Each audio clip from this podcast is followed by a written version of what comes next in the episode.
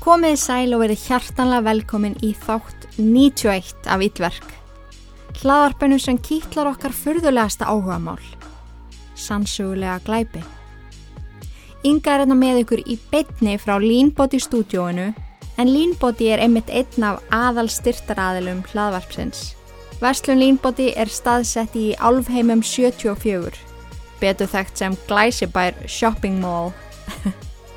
En þau eru einnig með heimasíðuna leanbody.is þar sem hægt er að vesla hinn ímsu fæðubótaefni, hvort sem að þú ert á fullu íþróttum eða ekki. Allir finna eitthvað við sitt hæfi. Brúsar, æfingategjur, sósur, pasta, prótein, prívorkátt. Þau eru með allt sem að getur aðstöði í valinu við hotlari kost. Kíktu við. Starfsfólkið sem er fyrsta flokks tekur vel á mótið þér. En jæja, miðveikudags þátturinn. Ég viðurkenni að ég smá eftir mig því að þetta máli gjör svolítið rugglað. En góð áminning um að fara varlega á internetinu. Er manneskjan sem þú ert að tala við öruglega svo sem að hún segist vera? Það eru nefnilega til dæmi um hættulega ástarleiki á internetinu. Spjall sem getur leitt fólka á dimman stað Í þessum þætti ætlum við að fjalla um slíkt mál. Flækja þryggja einstaklinga sem fyrir úr böndunum og þegar öllu var á botni kvöld bjóst enginn við sannleikanum sem síðan kom í ljós.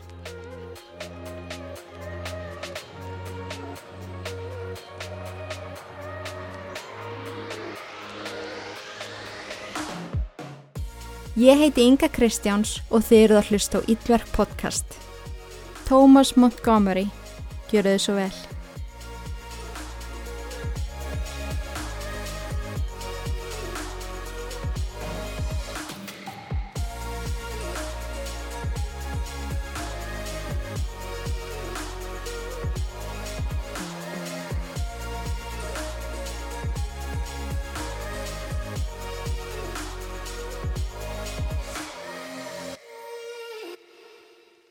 Sunnudagurinn 17. september 2006 byrjaði ósköp venjulega í Clarence í New York. Smábær staðsettur rétt fyrir utan Buffalo. Ögukennari rendi á samt nefnda sínum inn á tómt bílaplan, Dínabreit, sem er vestlun sem selur rámaksverkfæri. Bílaplanið sem er resastórt er oft nota á sunnudögum af ögukennurum þegar verslunin er lokuð til þess til dæmis að æfa nefnanda í að leggja í stæði. Fljótlega eftir að aukukennarin rendi inn á bílastæðið tók hann eftir pallbíl lögðum rétt hjá byggingunni. Það var óvanaleg sjón að sjá bíl hann á sunnudegi. Svo hann kerði nær í forvitni og tók þó eftir því að rúðan bílstjóramegin var brotin. Aukukennarin segi nefndanum að býða með hann aðtóa betur með hann pallbíl. Þegar hann gengur nær blasir við honum hræðileg sjón. Hann ringir í neyðalínuna og tilkynir að það sé dáin manniska á bílastæðinu fyrir utan dænabrætt.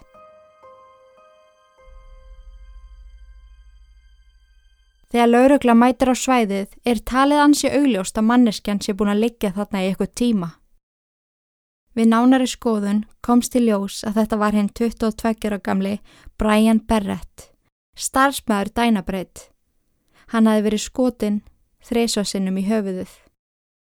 Það fannst ímislegt á vettvang sem að teki var til frekari rannsóknar. Hilki af 30 kalibera karbænrefli sem var líklegast frá morðvopninu sjálfu. Það fannst nöguð ferskja og síðan hafði augljóslega verið hleyft loftin úr einu dekki pallbílsins. Það var eitthvað sem að vildi Brian dauðan og getgátur voru um að sá hins sami hafi hleyft loftinu úr dekkinu svo að Brian geti ekki spólaði burtu frá skotriðinni sem að dundi yfir hann. Umfangsmikil rannsókn á morði Brian Berrett fór á stað og eftir nokkra daga náði rannsóknulegurugla að púsla saman tímalínu síðustu augnableika hans á lífi. Hann var svo síðasti sem að skráði sig úr vinnu klukkan 15 minútur yfir 10 förstudagskveldið 15. september. Sú tímasetning vakti aðtegli. Það sem að ringt hafi verið í lauruglu 17 mínútur yfir 10 þetta sama kvöld. Manneskjan sem að ringdi sagðist hafa heyrt þrjá háa kvelli.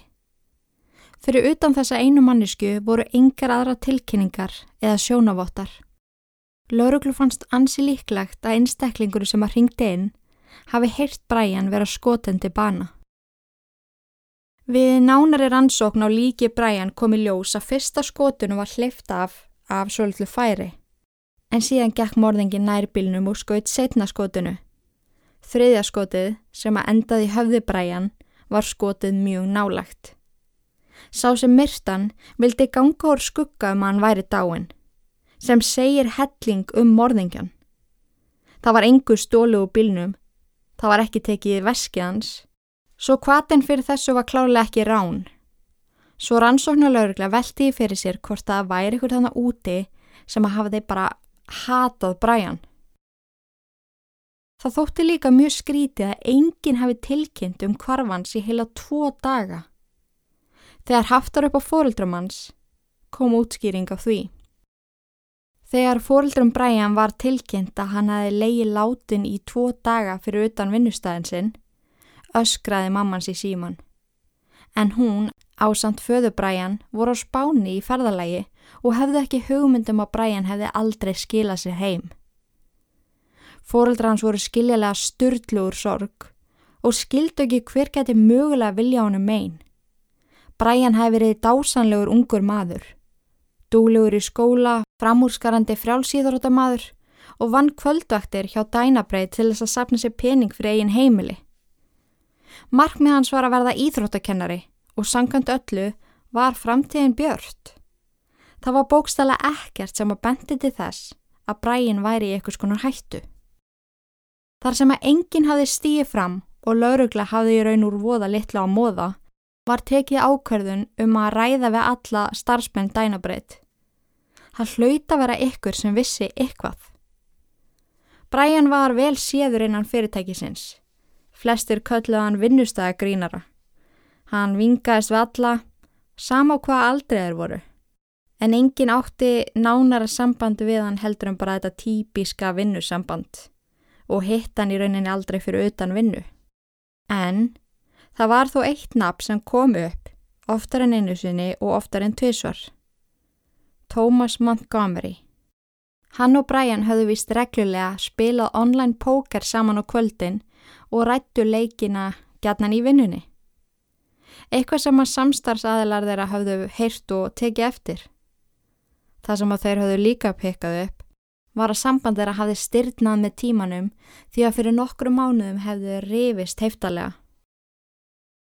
Thomas Montgomery sem var 46 ára giftur tveggjabanna fadir viðukendi að jú þeir spilu oft saman póker en var skrítinn þegar hann var spurður hvort að eitthvað hefði komið upp á milli hans og Brian. En það kom fljótlega í ljós að Thomas hafði lifað tvöföldu lífi sem hófst með saklausum skilabóðum inn á spjallborði á netinu. En spurningin var samt, hvernig hafði Brian flekstin í það?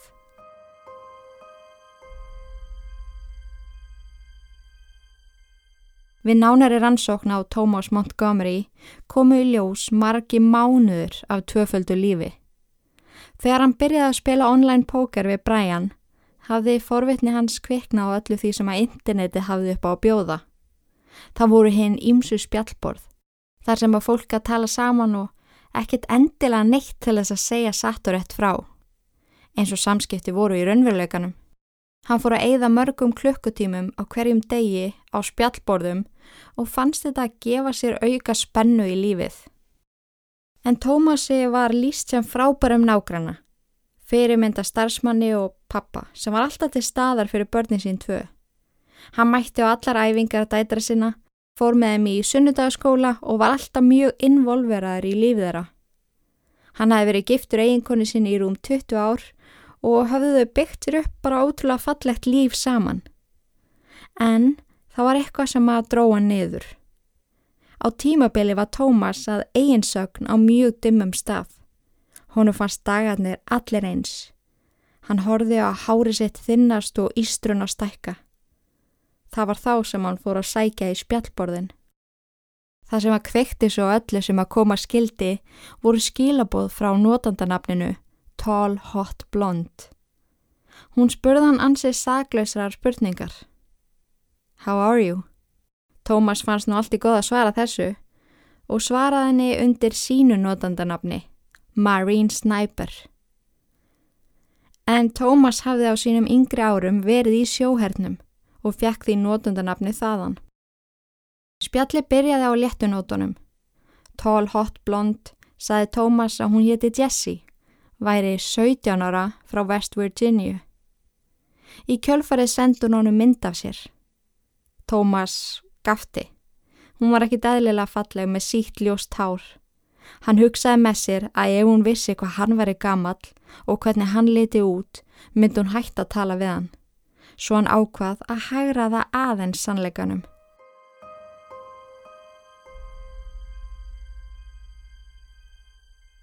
Hann breytti upplýsingunum um sig inn á síðunni. Saði svo Jesse að hann væri átjónara, væri kallaði Tommy og væri í hernum. Hann grófi upp 30 ára gamla myndir af sjálfun sér frá því hann var í herbúðum og sendi henni. Frá og með þessum degi þá töluðu þau saman daglega. Tómas fann í fyrsta skipti langan tíma fyrir spennu í lífinu. Hann gæti ekki beðið eftir að komast heim á daginn og tala við hana og stundum Eftir að fjölskyldan hans var sopnuð, laumaðist hann fram í tölvuna til þess að aðtóa hvort á Jesse væri online. Hann saði Jesse sögur sem voru lauslega byggðar á hans eigin lífi. Hann bætti svo við eftir hendisemi. Hann sagði henni satt til dæmis um að mammans hafði látist þegar hann var 12 ára gamall.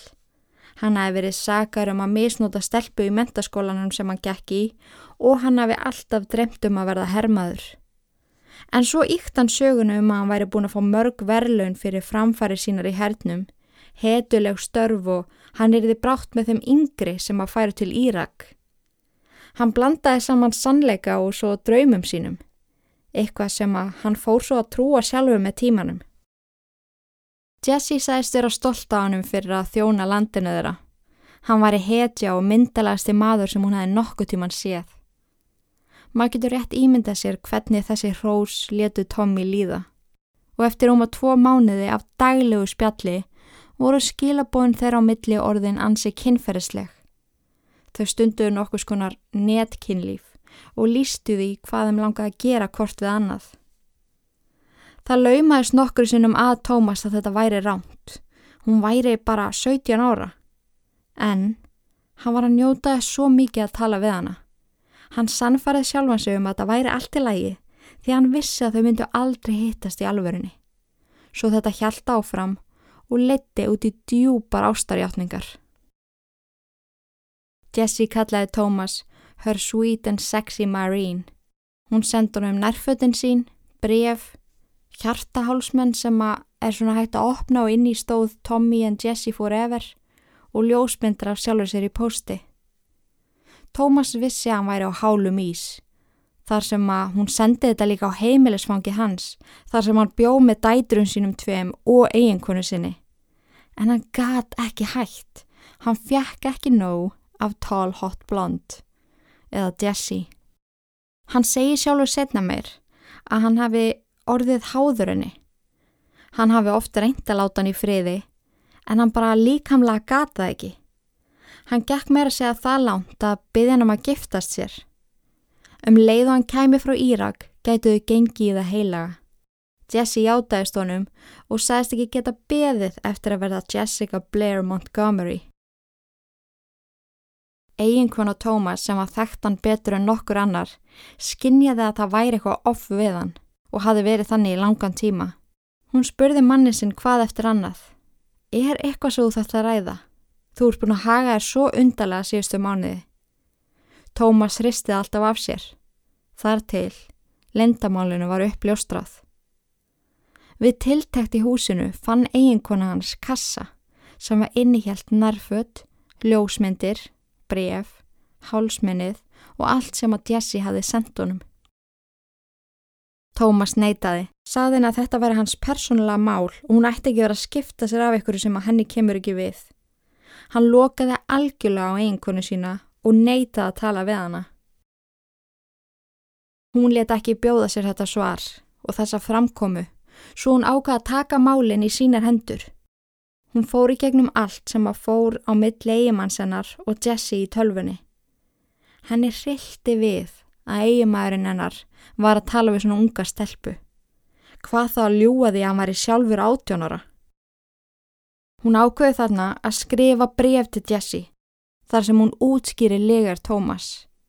Hún skrifar Hann er 46 ára gamal. Hann á tvö börn sem eru á aldur við þig. Hann er giftið mér. Ekki láta hann ljúa meira að þér.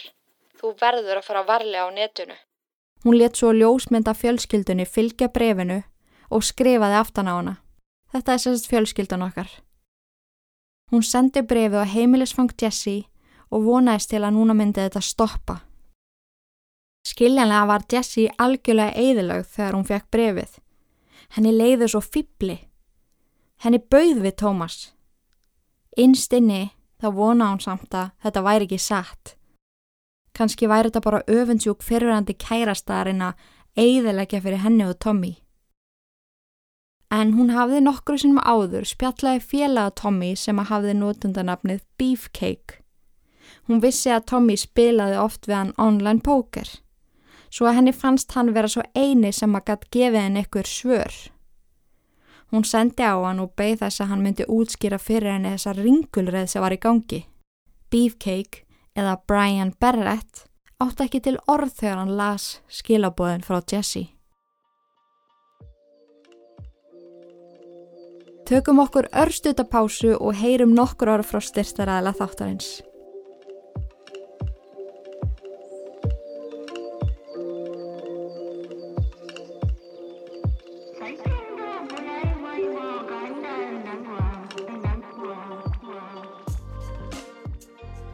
Vissið þú að það er opið til nýju í blöss á fymtudögum? Hversu geggjað verður að taka night á morgun? Hoppa svo saman í blás og fá okkur til dæmis nuttkerti. Fullkomin endir á góðu kvöldi. Eða byrjunin. Fallega búðun þeirra er staðsett í Hamraborg 1-3 og þeir getur nota kóðan ídlerk af öllu sem að þeir vestlið. Gerum hlutina aðeins skemmtilegri. Blöss.is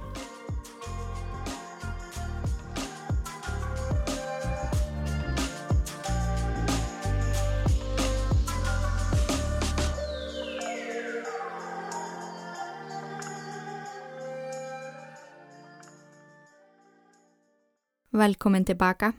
Á þessum tímapunkti er Jesse búin að hafa samband við Brian sem að útskýrir hvernig hann flækist inn í þetta mál, hún sem sett vissi að þeir varu félagar. Hún bað hann að segja sér sannleikan. Var þessi áttjónara gamli Tommy ekki til? Brian, sem hafði ekki hugmyndum að samstarfsfélagi hans væri búin að ljúa til um aldur og lifa tvöföldu lífi, saðin er bara satt. Hann hétti Thomas Montgomery væri 46 ára gamal, átti konu og tvei börn og vinnu með honum. Jesse var gössalega niður brotin. Tommy hafði í rúma sjö mánuði verið allt sem að lífa hennar snýrist um. Einstaklingun sem að hún sá fyrir sér framtíð með. En núna hafði allt verið þurskað út. Þetta var bara karakter sem þessi Tómas hafði búið til. Jessie sendi Tómas skilabóð og tjáði hann um hversu mikið hún hatnaðan. Hann væri ógæðslegur að hafa logið af henni. Hún væri búin að eigða sjö mánuðum í hann, sem var svo bara allt líi. Henni langaði ekkert meira heldur hann að hefna sín á honum. Og hvaða leið valdi hún til þess? Hún fór að reyna við Brian. Einstakling sem hún vissi að veri tengdur Tómas.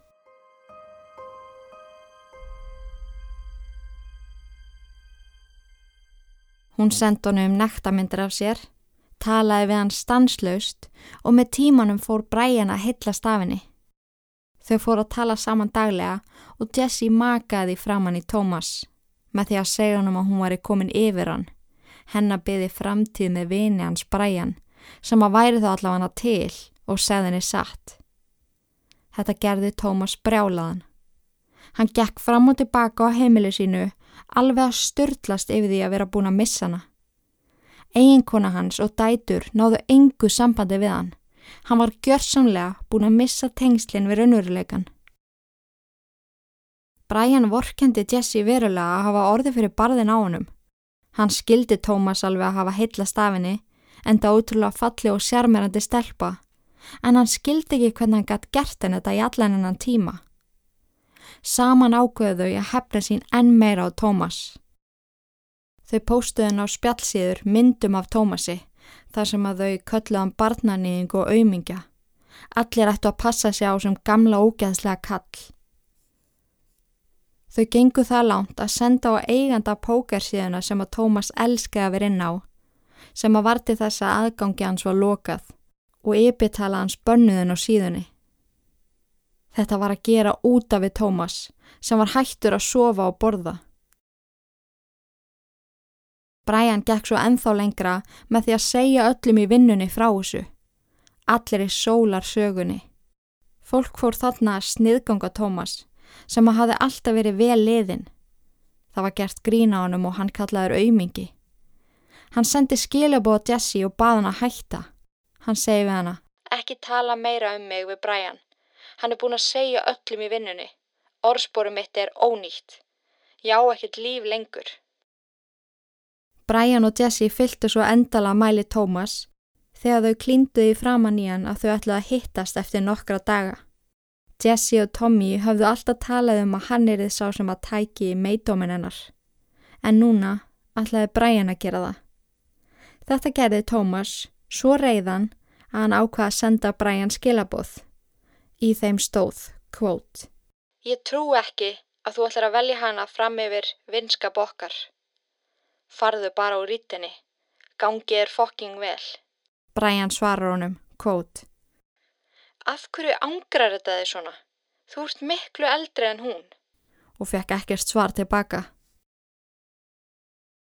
Skiljanlega var andrúnslofti á millið þeirra ansi óþægilegt í vinnunni. Tómas var afbreyðsamur út í bræjan, þótt hann vissi hann hefði rauninni engan rétt á því og gati rauninni ekki sagt neitt. Þetta var samt að gera hann brjálaðan.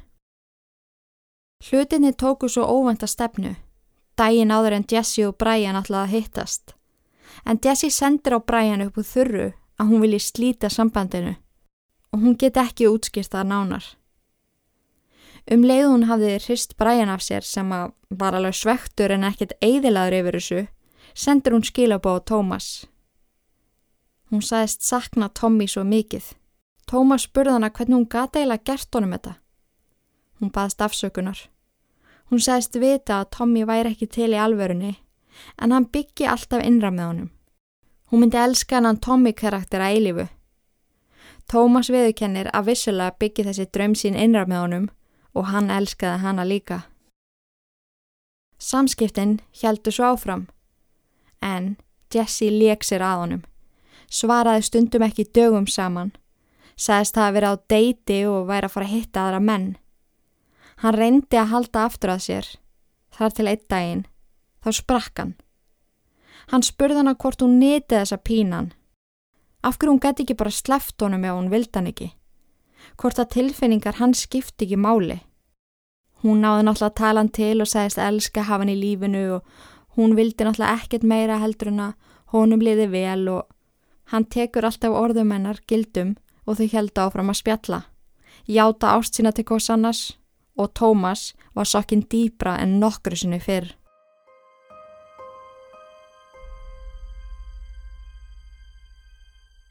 Hann heyrði svo útunda sér í vinnunni þegar Brian sagði öðrum samstarfsfélaga að hann og Jesse væru farin að spjalla aftur. Hún hefði séð eftir því að segja honum upp. Tómas hlusta á hann lýsaði hversu sæt og flott hún var, hversu mikið hann hlakkaði til að hitta hana. Tómas var svo reyður að hann gata ekki setja á sér. Hann gata ekki einu sinni beði eftir því að komast heim í tölvuna. Hann lokkaði sig inn á aðgangin sinni í vinnutölvu og sendi á Jesse. Brian misti mjög góðan vinn þegar hann fór á bakvið mig með því að tala við þig.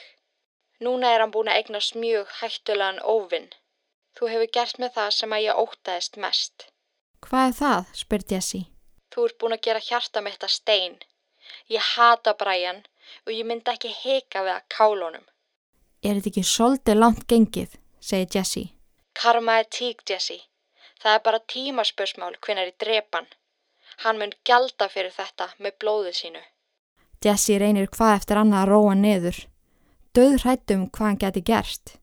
Dag eftir dag sendur hún á hann. Gerðu það, Tom. Sleftu bara takin á mér. Ég og Brian erum ekki saman. Við erum bara að spjalla. Hvað viltu eiginlega frá mér, Jesse? spyr Tom. Hún svara þá. Það eina sem ég vil er að þú sleppi mér. Þá segir hann. Þú munt borga fyrir þetta fokking tussa. Þú ótt skilið að vera hrætt. Ég var búin að vara þig við. Þú veist hvað ég get gerst.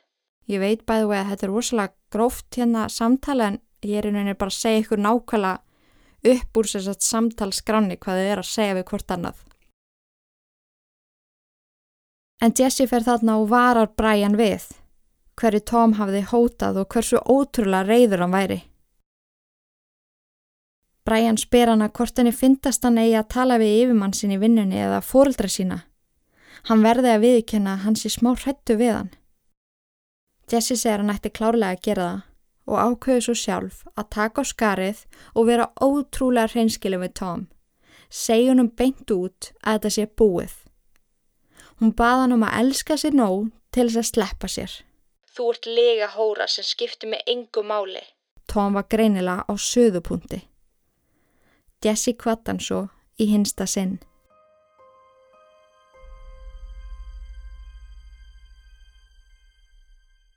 Næstu daga reyndi Tóma að tala við hana. Í hver skipti sem hann sendi á hana skráði Jesse svo út af spjallfóruðinu. Þriðja kvöldið sem hún gerði þetta, hunsa hann bara og skráði sig út, misti Tóm endanlega stjórnina á sjálfum sér.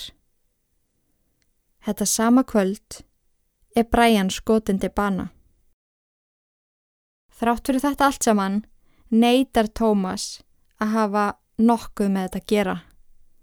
Þrátt fyrir sönnunagögg sem að fundust á vettvang, ferskjan sem að ég saði ykkur frá í byrjun var rannsökuð og tekið af henni síni. DNA Tómas fundust á henni. Tómas átti eins bissu og Brian var skotin með.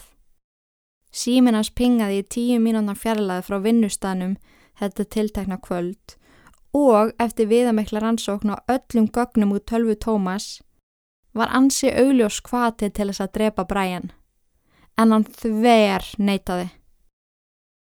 Þrátt fyrir þær vísbendingar sem að lauruglan hafði voru þær ekki nægar til þess að handtaka Tómas. Það var líka ein likil manniska í þessu öllu saman sem þær áttu eftir að ræða við. Tall Hot Blonde eða Jessie. Þeir vissu að hún byggi við mikið upplýsingum en á sama tíma óttuðust þeir um öryggenar. Ef að Tómas myrti Brian væri hann til alls líklegur. Það var því reynd að hafa upp á henni áður en að hann næði til hennar. Jesse bjó í Oak Hill í vestur Virginíu. Það var því haft samband við laurugluna þar sem að fór tafalaust á heimileginar. Mamminar kemur til dyrra og er augljóslega brúðið við að sjá lauruglu. Þeir spyrja um Jessie, þeir verði að ná tali af henni. Lauruglumenninir urðu mjög áhugifullir þegar móður henn að tjáðu þeim að hún vissi ekki hver hún væri. Er ekki alltaf góðu með hann að spyr hún? Lauruglumenninir settur sniðu með henni og sögðu henni alla söguna. Hvernig þetta internetspjall sem að dótturina var í var í orðið að morðmáli. Þeir sögðin einni að þeir óttuðust um dótturinnar. Hún geti verið í mikilli hættu því að væri ekki anþá búið að handtaka líklegan morðingja. Konan nýgu neður og byrjar að hágráta. Menninni reynaði huggana, auðmingja konan. Hún voru að fá hræðilega frettir. Þetta er örgulega mikið sjokk. Hún stendur svo upp, lítur á lauruglumennina og segir Þetta var ég. Ég, ég er Jessie. Ég þóttist vera dótti mín í allan innan tíma.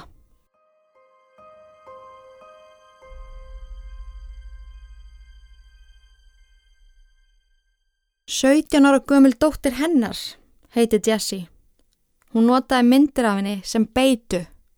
Myndir af barninu sínu á sundfötum, náttfötum, you name it.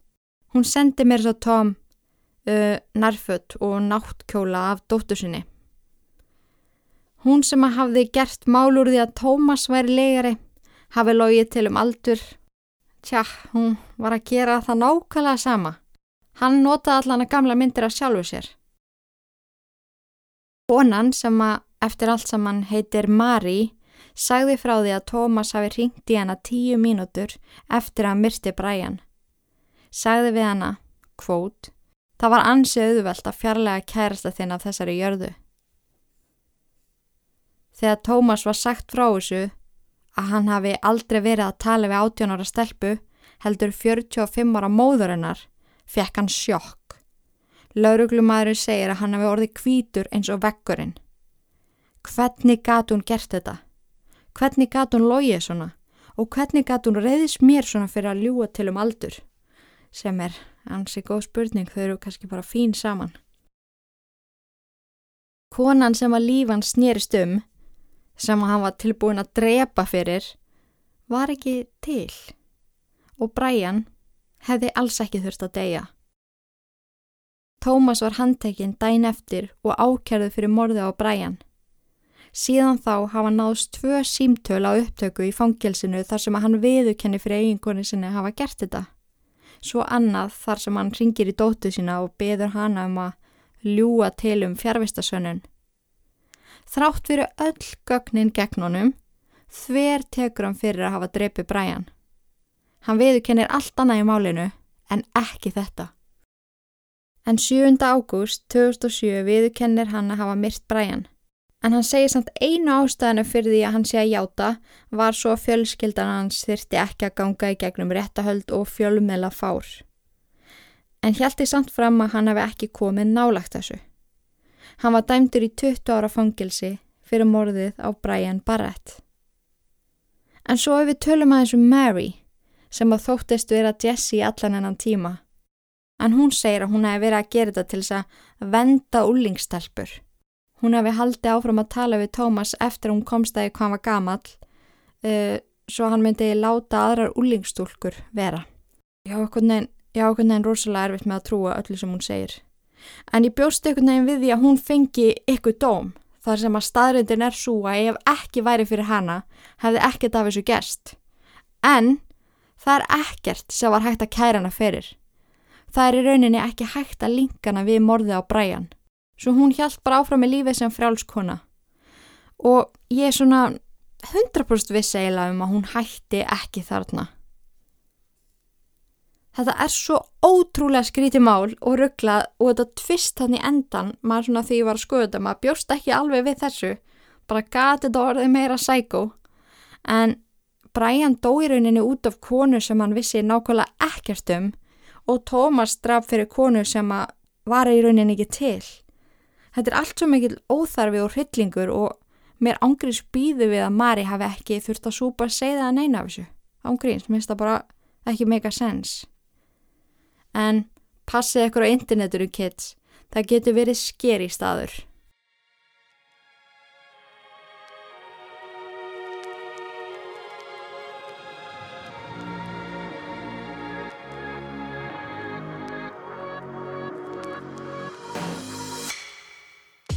En áður í hvið ykkur þá langaði mig að minna á live Ítverk pubquizið sem að verður haldið þann 29. januar næsta förstu dag sérsagt klukkan 8.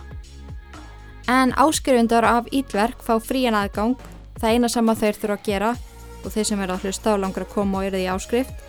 Það er að eina sem þeir þurfa að gera er að senda mig mail á idverkpodcast.gmail.com eða láta vita einn á Ídverk Facebook síðunni ef þeir eru í henni og þeir sem eru ekki áskrift og eru ekkert á leðinni áskrift geta keitt við meða inn á idverk.is, það er undir verslun. En skráningu sérst líkur á morgun. En þegar skráningu verður svo lokið eh, er ykkur öllum addað í lokaða Facebook-grúpu þar sem að live eventi fer fram. Vinningarnir eru ekki að verði endanum, til dæmis gisting fyrir tvo á Hotel Geysi, gafabref frá Blössbandris, gafabref frá Leanbody, Ídverkbækur, úr frá 24 Iceland, gafabref frá GK Bakari og hellingar á næstöfi. Þetta verður sjóklega gaman en aðalmálið er að við gerum eitthvað skemmtilegt saman. Það er alveg komin tími til, seriously. En ég hlaka til að sjá okkur sem flesta á live pubquiz þann 29. januar. Síðasti dagurinn til að skrá sig er á morgun miðugudaginn 27. februar. En ég vil þakka ykkur kærlega fyrir að hlusta. Takk fyrir að vera til og í guðanabænum forðist öll ítverk. Nema þetta podcast. Verðið sæl.